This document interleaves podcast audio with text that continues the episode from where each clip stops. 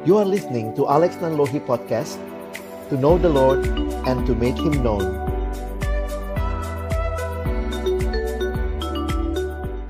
Mari sama-sama kita berdoa sebelum kita membaca merenungkan firman Tuhan. Bapa di dalam surga kami datang dalam ucapan syukur karena hari ini kami boleh bersama-sama merayakan kelahiranmu. Kelahiran yang memberikan pengharapan kepada kami. Kelahiran yang memberikan sukacita yang sejati.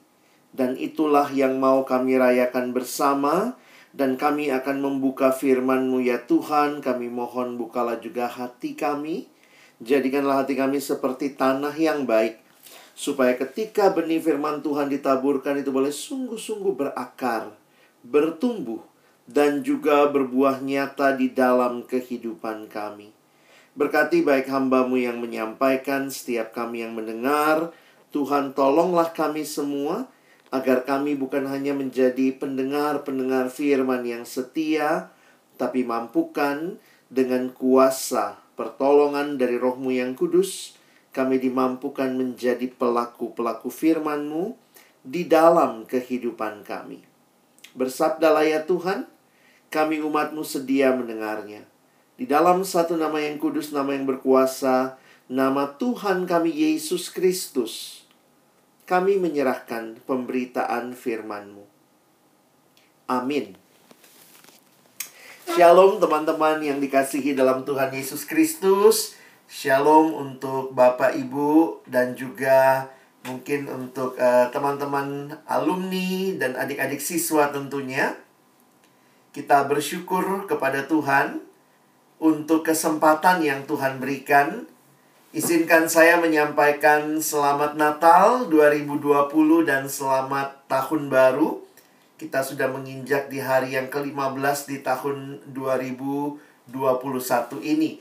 Kesempatan ini menjadi kesempatan yang indah Meskipun di tengah pandemi rasanya kita sulit untuk bertemu langsung Tetapi Tuhan juga memberikan kesempatan Melalui media virtual seperti ini Dari tempat yang berbeda kita bisa saling berbagi Saling menguatkan Dan malam hari ini tema yang diberikan kepada kita Tadi juga teman-teman Adik-adik sudah menjawab sukacita dan kasih Natal di masa pandemi.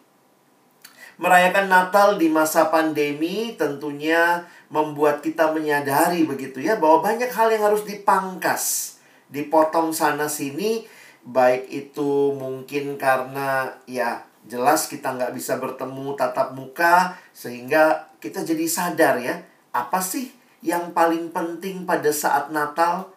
Karena selama ini waktu bicara Natal, mungkin pertanyaannya apa saja yang kita ingat pada waktu merayakan Natal? Mungkin selama ini Natal dengan segala kemeriahannya, ada Santa Claus, ada pohon Natal, ada kado, ada hadiah, ada kue-kue Natal, sampai akhirnya bisa jadi kita kehilangan. Apa sih yang paling penting di dalam Natal? Natal sendiri artinya lahir dari bahasa Latin. Nah, siapa yang lahir pada waktu Natal? Ya, tentu ini bukan hari lahirnya Frosty the Snowman atau Santa Claus, tetapi Natal adalah hari lahirnya Kristus. Christmas is Jesus' birthday. Dan ini yang harusnya menjadi fokus kita di dalam merayakan Natal sebuah pertanyaan penting dalam bahasa Inggris mengungkapkan demikian. What is the most important part about Christmas? Lalu dijawab, the most important part of Christmas is the first six letters. C H R I S T. Christ. Kristuslah yang menjadi pusat di dalam Natal. Ya bayangkan Christmas without Christ tinggal mas. Ini bukan perayaan mas-mas begitu ya. Kita bicara tentang Kristus yang hadir sehingga Christmas is empty without Jesus. Harusnya Yesus yang berada di pusat daripada perayaan Natal kita. Karena itu malam hari ini dalam kaitan tema ini uh, Kak Alex ingin kita belajar bersama untuk mengenal siapa Yesus. Siapa Yesus yang lahir pada waktu Natal. Kalau kita memperhatikan betapa kehadiran Yesus di dalam dunia bahkan telah mempengaruhi jalannya sejarah. Bayangkan, kelahirannya menandai masa yang baru. Dulunya kita sebut sebelum Masehi dan kelahiran Kristus menandai dimulainya tahun Masehi atau yang biasa disebut AD. Ya, dulunya BC before Christ, lalu kemudian disebut AD atau dalam bahasa Latin itu adalah anno domini. Dari kata anno jadi annual, tahun. Lalu domini berarti tuan. Jadi tahun Tuhan kita. Jadi itulah yang menarik untuk memperhatikan kehadiran Yesus di dalam sejarah bahkan membelah dunia menjadi dua masa yang sangat-sangat berbeda. Mari kita melihat berita yang disampaikan oleh malaikat ketika Lukas pasal 2, malaikat nampak kepada para gembala pada waktu itu. Nah, Alex ingin kita ajak melihat dua ayat ini. Saya sudah tuliskan di screen. Jadi teman-teman, Bapak Ibu sekalian, mari kita baca bersama-sama. Lalu kata malaikat itu kepada mereka, "Jangan takut. Sebab sesungguhnya aku memberitakan kepadamu kesukaan besar untuk seluruh bangsa. Hari ini telah lahir bagimu juru selamat, yaitu Kristus Tuhan di kota Daud. Mari perhatikan sebentar istilah yang muncul di ayat 10 dari berita malaikat kepada para gembala. Bagi saya menarik dikatakan, aku memberitakan kepadamu kesukaan besar untuk seluruh bangsa. Nah, di sini kita ketemu nih ya, apa yang jadi tema kita juga. Kalau bicara sukacita, dalam bahasa aslinya juga muncul kata sukacita atau kata joy dari bahasa Yunani kara. Dan juga kalau teman-teman perhatikan, ada kata good news atau yang disebut sebagai evangelion atau Injil, gospel. Jadi menarik untuk memperhatikan apa yang disampaikan oleh malaikat. Sekali lagi lihat ayatnya ya. Sekarang kita sudah lihat ada warna yang Kak Alex buat di situ. Aku memberitakan kepadamu kesukaan besar. Dan kesukaan besar ini berkaitan dengan apa? Berkaitan dengan siapa yang lahir. Ada tiga nama yang muncul di situ yang dikenakan kepada Yesus. Dia dikatakan dia adalah juru selamat, Kristus, dan Tuhan. Nah, mari kita coba sama-sama melihat arti nama ini untuk kita bisa memahami kenapa kehadiran Yesus menjadi berita sukacita besar bagi dunia. Teman-teman, kalau bicara tentang juru selamat, maka mari kita ingat ini yang pertama ya kita mau coba bahas sama-sama. Yang yang disampaikan oleh para malaikat kepada gembala bahwa hari ini telah lahir bagimu juru selamat. Nah, inilah berita kesukaan besar untuk seluruh bangsa bahwa yang lahir adalah juru selamat.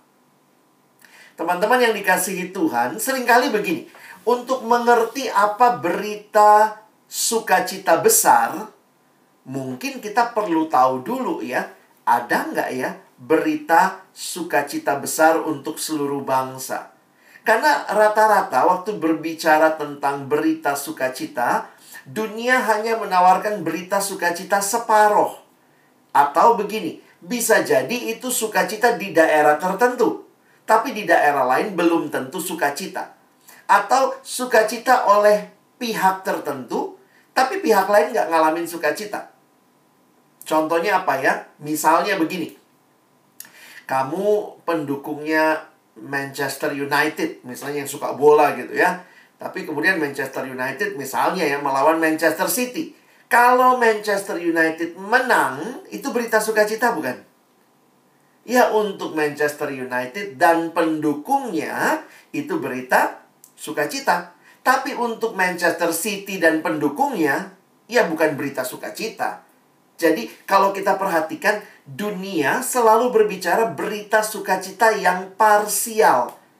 Buat satu pihak sukacita, tapi belum tentu untuk pihak lain. Biasanya kalau lagi offline, jalan-jalan ke pusat perbelanjaan di waktu akhir tahun, banyak berita sukacita.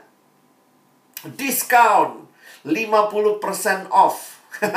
Tapi itu kalau punya punya duit, punya uang. Kalau nggak punya uang, mau kamu lagi diskon kek atau tidak, ya saya memang nggak punya duit. Jadi itu mungkin jadi berita sukacita untuk sebagian orang, tapi belum tentu bagi orang yang lain.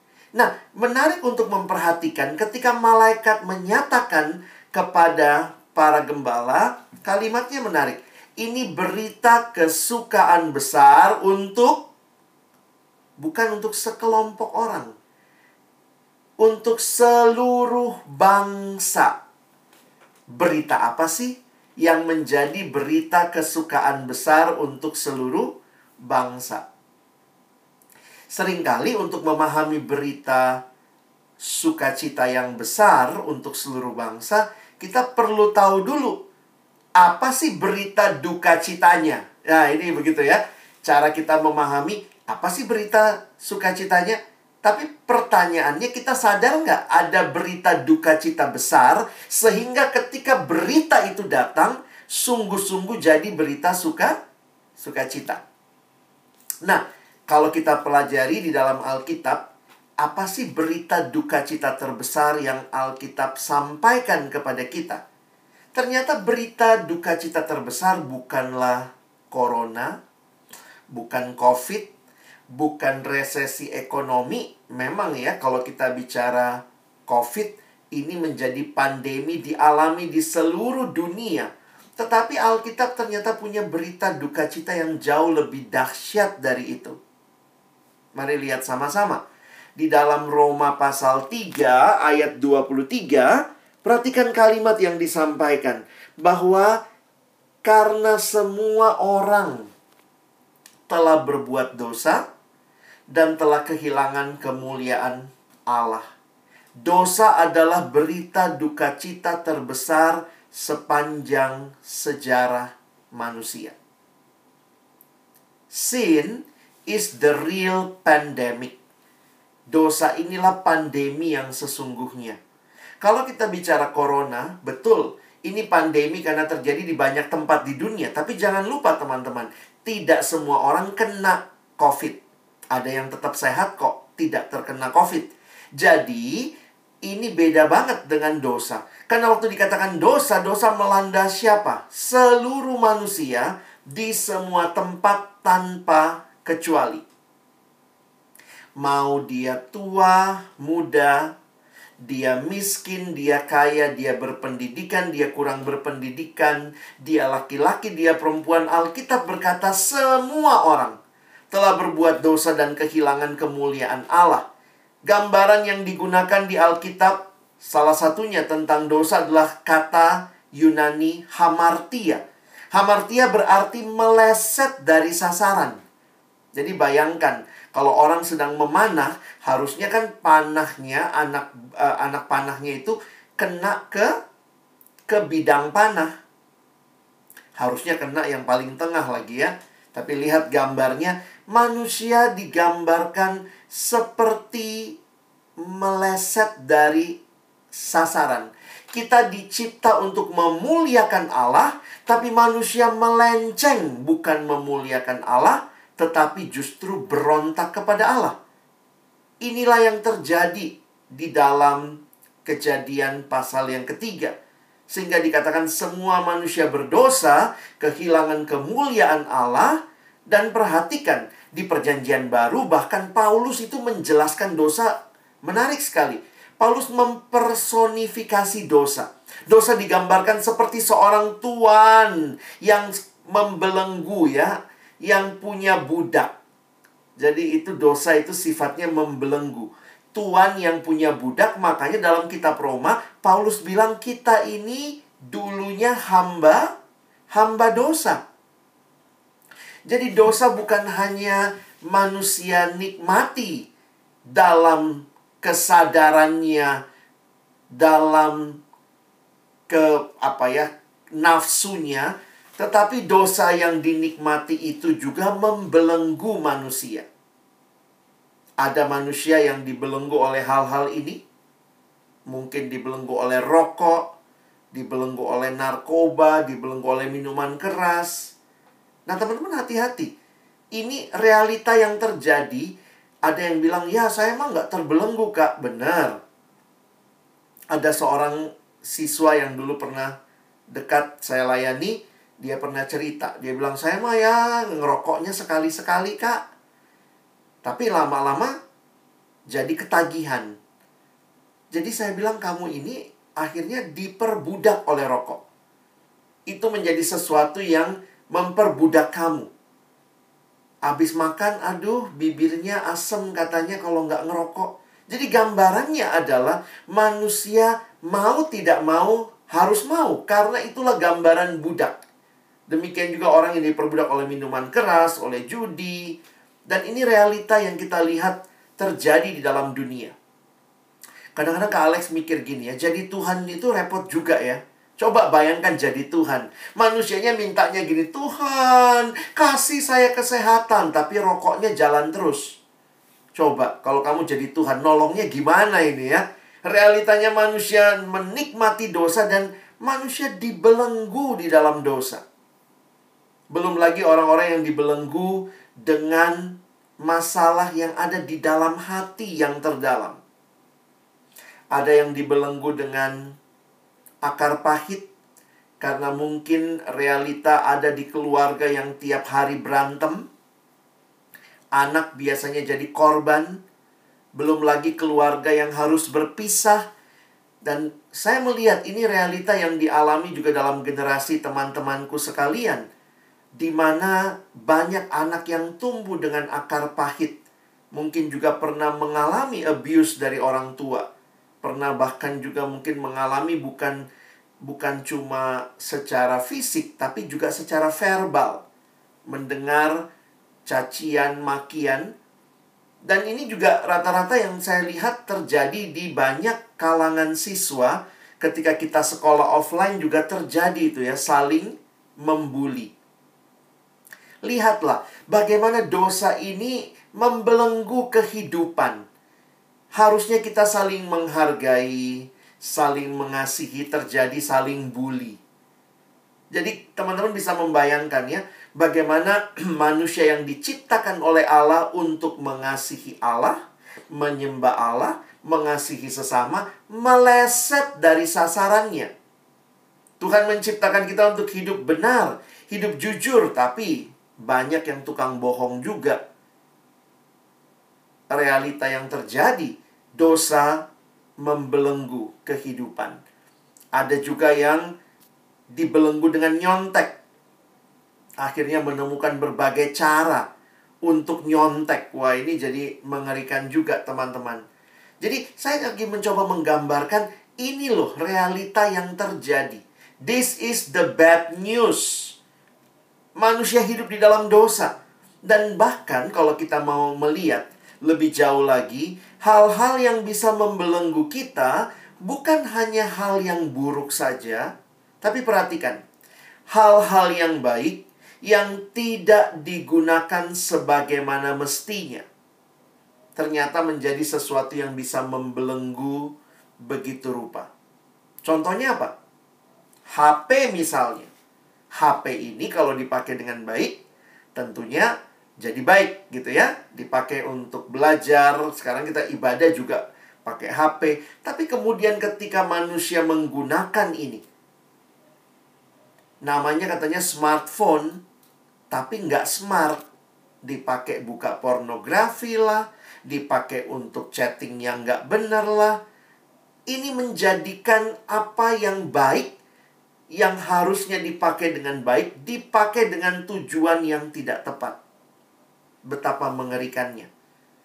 Nah, banyak hal yang membelenggu manusia juga manusia modern saat ini hal-hal yang baik yang harusnya baik tapi tidak tepat digunakan sehingga akhirnya melenceng dari tujuannya diciptakan.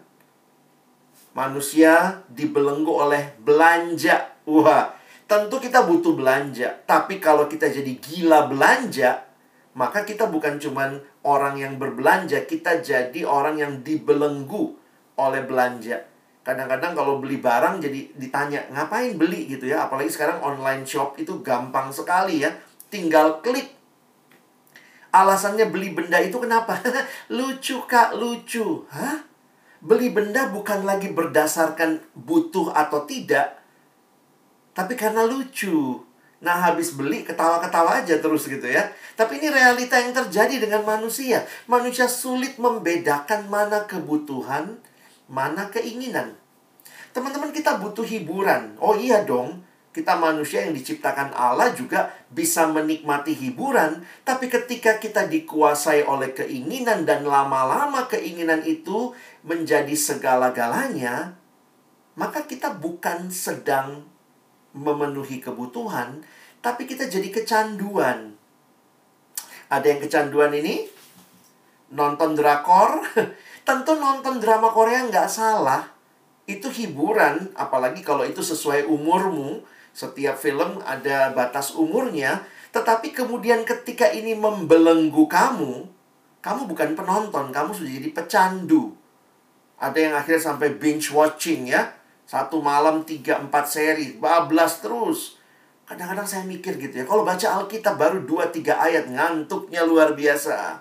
Tapi kalau nonton, wow, dengan adanya sekarang platform nonton yang kayaknya bisa terus gitu ya binge watching hati-hati bukannya nggak boleh nonton tapi apakah kamu jadi penonton atau kamu sudah jadi pecandu nah banyak drama-drama ya oh ini Kak cuma taruh aja yang saya tahu gitu yang saya lihat oh ini ya ada drama-drama begitu ya tapi ya realitanya ini yang terakhir lagi orang pada berantem ya. Kamu timnya siapa? Nam Dosan atau Han Ji Pyong. Padahal mereka ini sahabatan kitanya yang berantem begitu ya.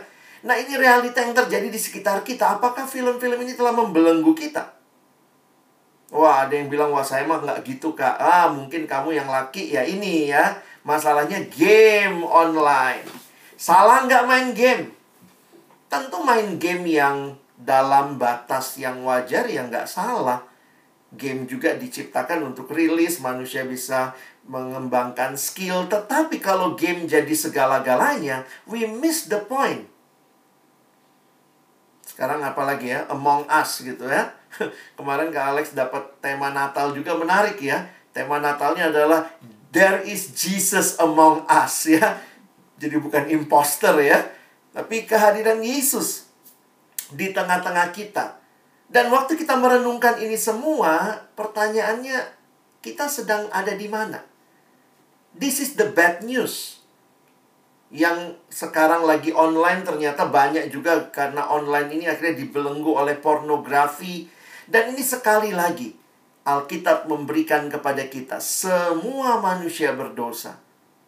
Dan berita duka cita terbesar akhirnya upah dosa ialah maut. Teman-teman lihat apa yang Alkitab sampaikan. Roma 6 ayat 23. Upah dosa, sebab upah dosa ialah maut. Di mana kita bisa dapat jalan keluarnya? Karena cerita dari hidup di dalam dosa yang dialami oleh semua manusia akhirnya adalah maut di sinilah kita melihat ada berita sukacita. Kadang-kadang kita kalau hafal ayat, hafalnya nggak utuh ya. Jadi kalau ditanya, Roma 6 ayat 23, sebab upah dosa ialah maut. Oh jangan salah teman-teman, itu Roma 6 ayat 23 A. Makanya jangan cuma hafal A-nya, karena ada berita lebih lanjut di B-nya. Coba lihat utuhnya ayat ini, sebab upah dosa ialah maut, tetapi karunia Allah ialah hidup yang kekal dalam Kristus Yesus Tuhan kita. Lihat ya, ada kata tetapi. Jadi jangan dihafal atau jangan cuma hafal berita duka citanya. Banyak orang yang hafalnya apa? Ya upah dosa ialah maut. Itu berita duka citanya. Hafal juga berita sukacitanya. Tetapi karunia Allah ialah hidup yang kekal dalam Kristus Yesus Tuhan kita. Itulah Natal. Natal berarti manusia boleh mengalami apa yang dikatakan di dalam Yesus ada hidup yang kekal. Dosa membawa maut, maut itu mati, terpisah dengan Allah selama-lamanya. Dan manusia tidak bisa selesaikan pergumulan dosanya tetapi Allah mengirimkan anaknya. Teman-teman ini satu realita yang luar biasa ya. Dosa itu masalah kita. Solusinya dari siapa? Solusinya bukan dari kita. Karena manusia tidak bisa menyelamatkan dirinya sendiri. Manusia mau hidup, Yesus jawabannya. Searching for the answer to life, Jesus, you have found him. Makanya perhatikan, ketika malaikat nampak kepada Yusuf, kalau kita ingat Yusuf di Matius, dia ketika tahu Maria sudah mengandung, dia berniat menceraikan Maria diam-diam. Lalu malaikat nampak kepada Yusuf dan mengatakan, "Yusuf, jangan ceraikan Maria." Lalu kalimat ini, "Ia, maksudnya Maria, akan melahirkan anak laki-laki, dan engkau, Yusuf, akan menamakan dia Yesus, karena dialah yang akan menyelamatkan umatnya dari..." dari dosa mereka. Teman-teman, kalau kita mengerti bahwa manusia seluruh dunia mengalami masalah utama dosa, sin is the real pandemic. Dan kita tahu, waktu Natal itu yang lahir adalah dia yang akan menyelamatkan umatnya dari dosa. Maka inilah berita sukacita besar untuk seluruh seluruh bangsa. Karena tidak ada orang yang tidak berdosa. Semua butuh Yesus. Sebenarnya kalau kita mengerti ayat ini kita akan memahami Natal bukan sekadar perayaannya orang Kristen. Tapi Natal harusnya menjadi perayaan manusia berdosa. Semua orang yang berdosa harusnya merayakan Natal karena Natal adalah Yesus yang menyelamatkan dari dosa telah datang.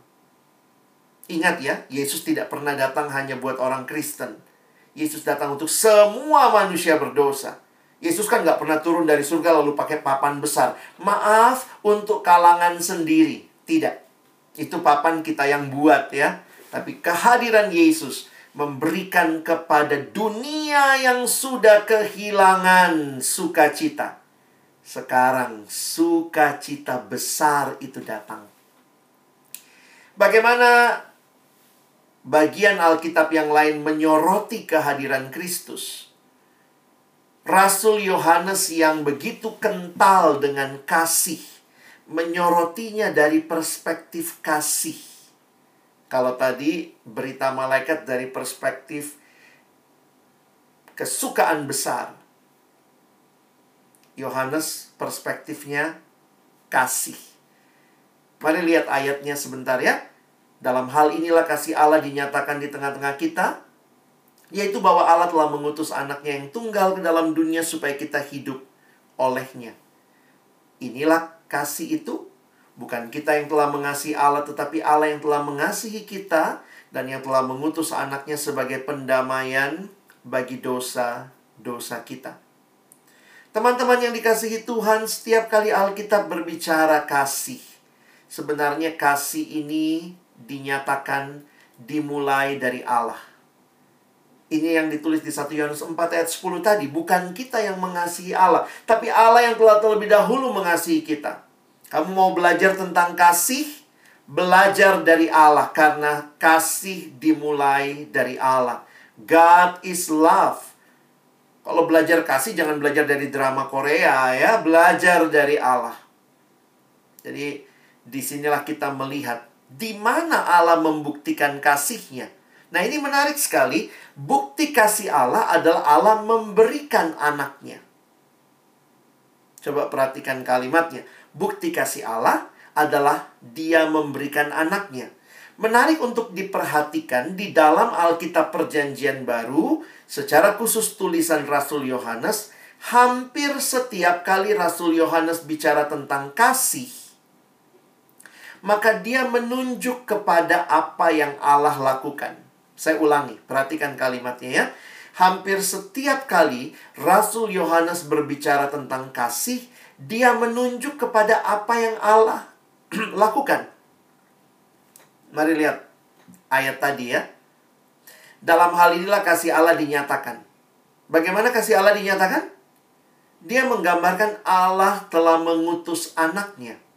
Jadi Rasul Yohanes tidak sedang mendefinisikan kasih. Kasih adalah ini, ini, ini. Bukan. Tapi Rasul Yohanes waktu ditanya, apa itu kasih? Rasul Yohanes menunjuk Allah mengutus anaknya. Perhatikan ayat yang ke-10. Inilah kasih itu. Sekali lagi, Rasul Yohanes tidak memberikan definisi kasih. Kasih adalah sebuah perasaan kepada... Se itu bukan seperti itu. Rasul Yohanes tidak berusaha mendefinisikan kasih. Tetapi waktu dia membicarakan kasih. Bukan kita yang telah mengasihi Allah. Tapi Allah yang telah mengasihi kita. Dan yang telah mengutus anaknya jadi hampir setiap kali Rasul Yohanes bicara kasih, dia menunjuk kepada Allah mengutus anaknya. Allah mengutus anaknya. Itu juga ayat yang terkenal yang kita baca Yohanes 3:16. Karena begitu besar kasih Allah kan dunia ini sehingga ia telah mengaruniakan anaknya yang tunggal. Allah mengutus anaknya. Dan perhatikan istilah yang digunakan apa tadi? Anaknya. Tapi lihat ada kalimat di belakangnya. Anaknya yang tunggal. Anaknya yang tunggal. Bagi saya waktu merenungkan anaknya yang tunggal, ini satu kalimat yang luar biasa. Karena itu the one and only son. Anak Allah yang tunggal dia berikan kepada kita. Itulah tandanya kasihnya Tuhan sama kita. Luar biasa. Anaknya yang tunggal dia berikan datang ke dalam dunia. Dan ingat, Yesus tidak hanya lahir sebagai bayi mungil, tetapi dia bertumbuh, dia menjadi besar, dia melayani, dia menderita, dia bahkan mati di kayu salib. Tapi dia bangkit, dia naik ke surga, dan dia janji akan datang kedua kali. Kalau teman-teman lihat, ini seluruh bagian yang utuh. Jangan hanya lihat Natal saja. Karena Yesus yang lahir pada waktu Natal, dia yang mati pada waktu Jumat Agung, dia yang bangkit pada waktu Paskah, kita harus mengerti bahwa Yesus telah membayar harga yang sangat mahal untuk penebusan kita. Tujuannya apa? Perhatikan lagi ayat tadi. Supaya kita hidup olehnya. Itu sebagai pendamaian bagi dosa-dosa kita. Jadi kalau kita perhatikan karya Yesus yang utuh, maka kita bisa menghayati ayat yang penting ini. Karena begitu besar kasih Allah, dia berikan anaknya yang tunggal. Anaknya yang tunggal yang memberikan hidupnya menggantikan kita. Supaya apa? Supaya kita tidak binasa, itu bad newsnya. Dalam dosa binasa. Tapi beroleh hidup yang kekal. Pendeta Billy Graham, almarhum, mengatakan kalimat yang indah ini. Allah membuktikan kasihnya pada kayu salib. Ketika Kristus digantung berdarah dan mati, itulah saatnya Allah berkata kepada dunia, Aku mencintaimu. Tuhan sayang sama kita teman-teman. Kalau kita mencari definisi kasih, maka Tuhan tidak mendefinisikannya dengan kata-kata, tetapi dengan apa yang Dia lakukan bagi kita di Kalvari. Sebuah kalimat yang indah dalam bahasa Inggris berkata, "If we are looking for a definition of love, we should look not in dictionary, but at Calvary." Mau cari apa itu kasih? Bukannya buka kamus, teman-teman ya, lihat apa yang terjadi di Calvary. Nah, teman-teman yang dikasihi Tuhan, di sinilah kita melihat yang lahir ini juru selamat. Karena itu ini berita sukacita besar bagi seluruh bangsa. Karena kehadiran Kristus, juru selamat memberikan kepada kita sukacita. Namanya Juru selamat. Kristus. Kristus ini artinya apa? Mesias. Kalau teman-teman lihat di kamus Alkitab, Kristus artinya Mesias yang diurapi oleh Tuhan. Yesus disebut Kristus karena dialah yang dipilih alam jadi penyelamat dan Tuhan. Jadi kalau kita perhatikan konsep orang Yahudi, mereka menantikan Mesias. Makanya 700 tahun sebelum Yesus lahir, Nabi Yesaya menubuatkan kedatangan Mesias. Nah, bayangkan ketika mereka sudah menunggu, nunggu 700 tahun tuh lama juga ya. Jadi ketika malaikat datang dan memberitahukan, "Hey, sudah lahir Kristus yang kalian nanti-nantikan." Tentu ini jadi sukacita buat para gembala ya. Karena setelah sekian lama Allah menggenapkan janjinya. Tetapi setelah genap waktunya, itu kalimat Galatia pasal 4. Maka Allah mengutus anaknya yang lahir dari seorang perempuan dan takluk kepada hukum Taurat. Banyak orang berpikir, aduh Tuhan janjinya lama amat, 700 tahun. Kita itu manusia yang tidak sabar menanti ya. Kadang-kadang kalau kita lihat sekarang juga gimana ya, Corona ini sampai kapan? Lalu kemudian kita mulai meragukan, kayaknya Tuhan gak peduli sama kita, Tuhan ingatkan 2 Petrus 3 Tuhan tidak lalai menepati janjinya. Sekalipun ada orang yang menganggapnya sebagai kelalaian Tapi ia sabar terhadap kamu. Karena ia menghendaki supaya jangan ada yang binasa Melainkan supaya semua orang berbalik dan bertobat. Dia juru selamat. Dia menyelesaikan masalah utama kita dosa. Dia Kristus. Membuktikan bahwa Allah menggenapi janjinya setelah sekian lama Allah tidak ingkar janji. Dan jangan lupa dia juga Tuhan. Dia Tuhan. Juru selamat, Kristus Tuhan. Dan kalau Yesus adalah Tuhan, maka harusnya seluruh hidupmu dan hidupku kita persembahkan kepada dia. Kalimat yang dituliskan oleh Hudson Taylor dia berkata, Christ is either Lord of all or he is not Lord at all. Harusnya kalau dia Tuhan, maka dia memerintah atas seluruh hidupku. Serahkan hidup kita kepada dia. Teman-teman yang dikasihi Tuhan, inilah yang disampaikan malaikat. Dan setelah malaikat meninggalkan, coba lihat ayat 15 ya. Setelah malaikat-malaikat itu meninggalkan mereka dan kembali ke sorga, gembala-gembala itu berkata seorang kepada yang lain, Marilah kita pergi ke Bethlehem untuk melihat apa yang telah yang terjadi di sana seperti yang diberitahukan Tuhan kepada kita. Lalu mereka cepat-cepat berangkat dan menjumpai Maria dan Yusuf dan bayi itu yang sedang berbaring di dalam palungan. Mereka mencari bayi itu. Kalimatnya menarik, cepat-cepat berangkat. Lalu kemudian lihat, dan ketika mereka melihatnya, mereka memberitahukan apa yang telah dikatakan kepada mereka tentang anak itu, dan semua orang yang mendengarnya heran tentang apa yang dikatakan gembala-gembala itu kepada mereka, tetapi Maria menyimpan segala perkara itu di dalam hatinya dan merenungkannya. Nah, ini ayat yang biasanya kita suka ekspresikan Gembala-gembala itu setelah ketemu Tuhan Yesus, apa yang mereka alami? Ada sukacita. Kembalilah gembala itu sambil memuji dan memuliakan Allah. Karena segala sesuatu yang mereka dengar dan mereka lihat, semuanya sesuai dengan apa yang dikatakan kepada mereka. Saya menyimpulkan tema kita malam ini. Kelahiran Yesus adalah bukti bukti kasih Allah yang membawa sukacita. Teman-teman, gembala setelah ketemu Yesus emangnya gembala pulang jadi konglomerat. Langsung jadi orang kaya. Oh, gembala itu kan sebenarnya profesi yang rendah di orang Yahudi pada waktu itu. Bagi saya tidak. Sukacita itu tidak tergantikan karena sukacita tidak tergantung status posisi. Sukacita itu adalah di dalam hati yang telah mengalami kehadiran Tuhan.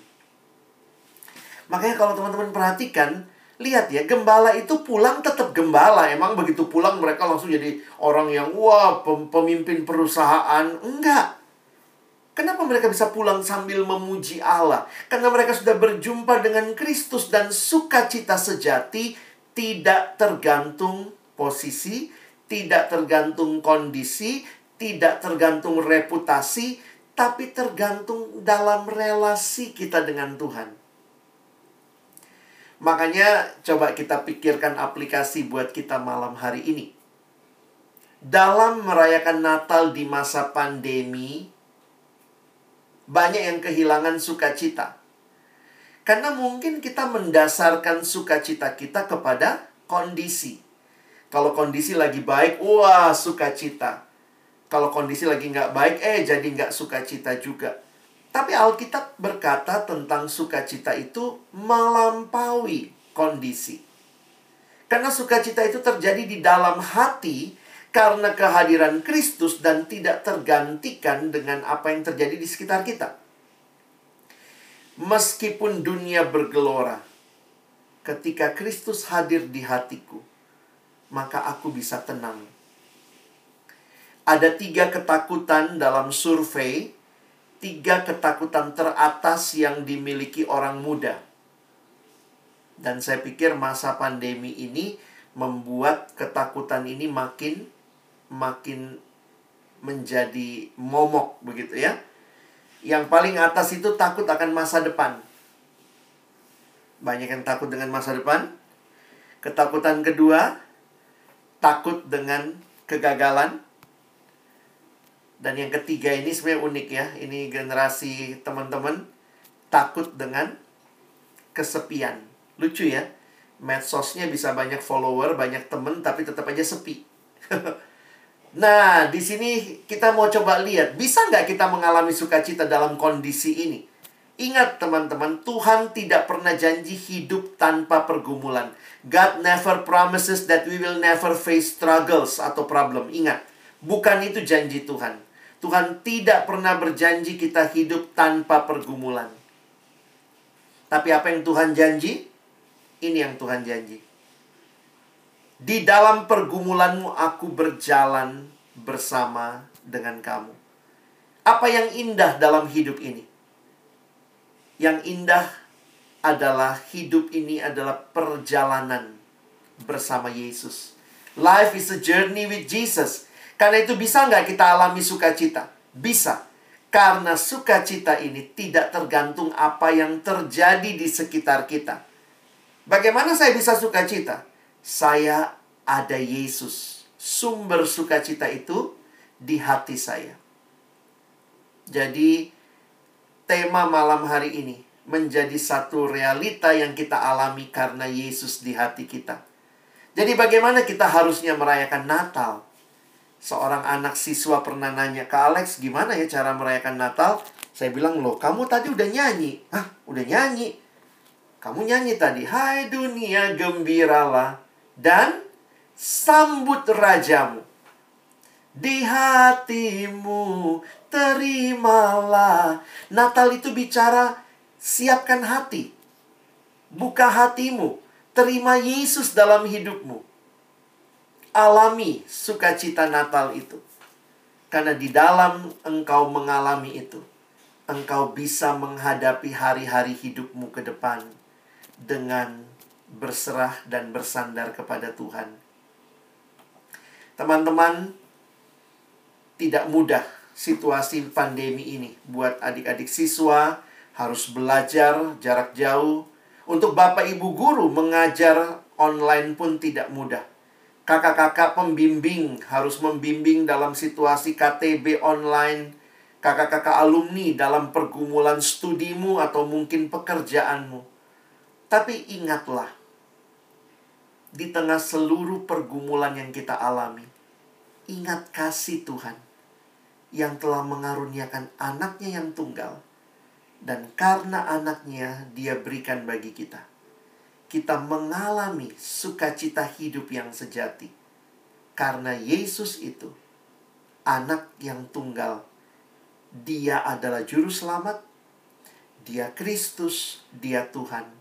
Dia berjalan bersama kita di tengah-tengah pergumulan, sehingga selalu ada sukacita karena kehadirannya. Saya rindu kita memasuki tahun yang juga kita tahu tidak mudah. 2021 ini mungkin masih agak mirip dengan 2020. Tapi kita orang-orang percaya tidak akan kehilangan sukacita.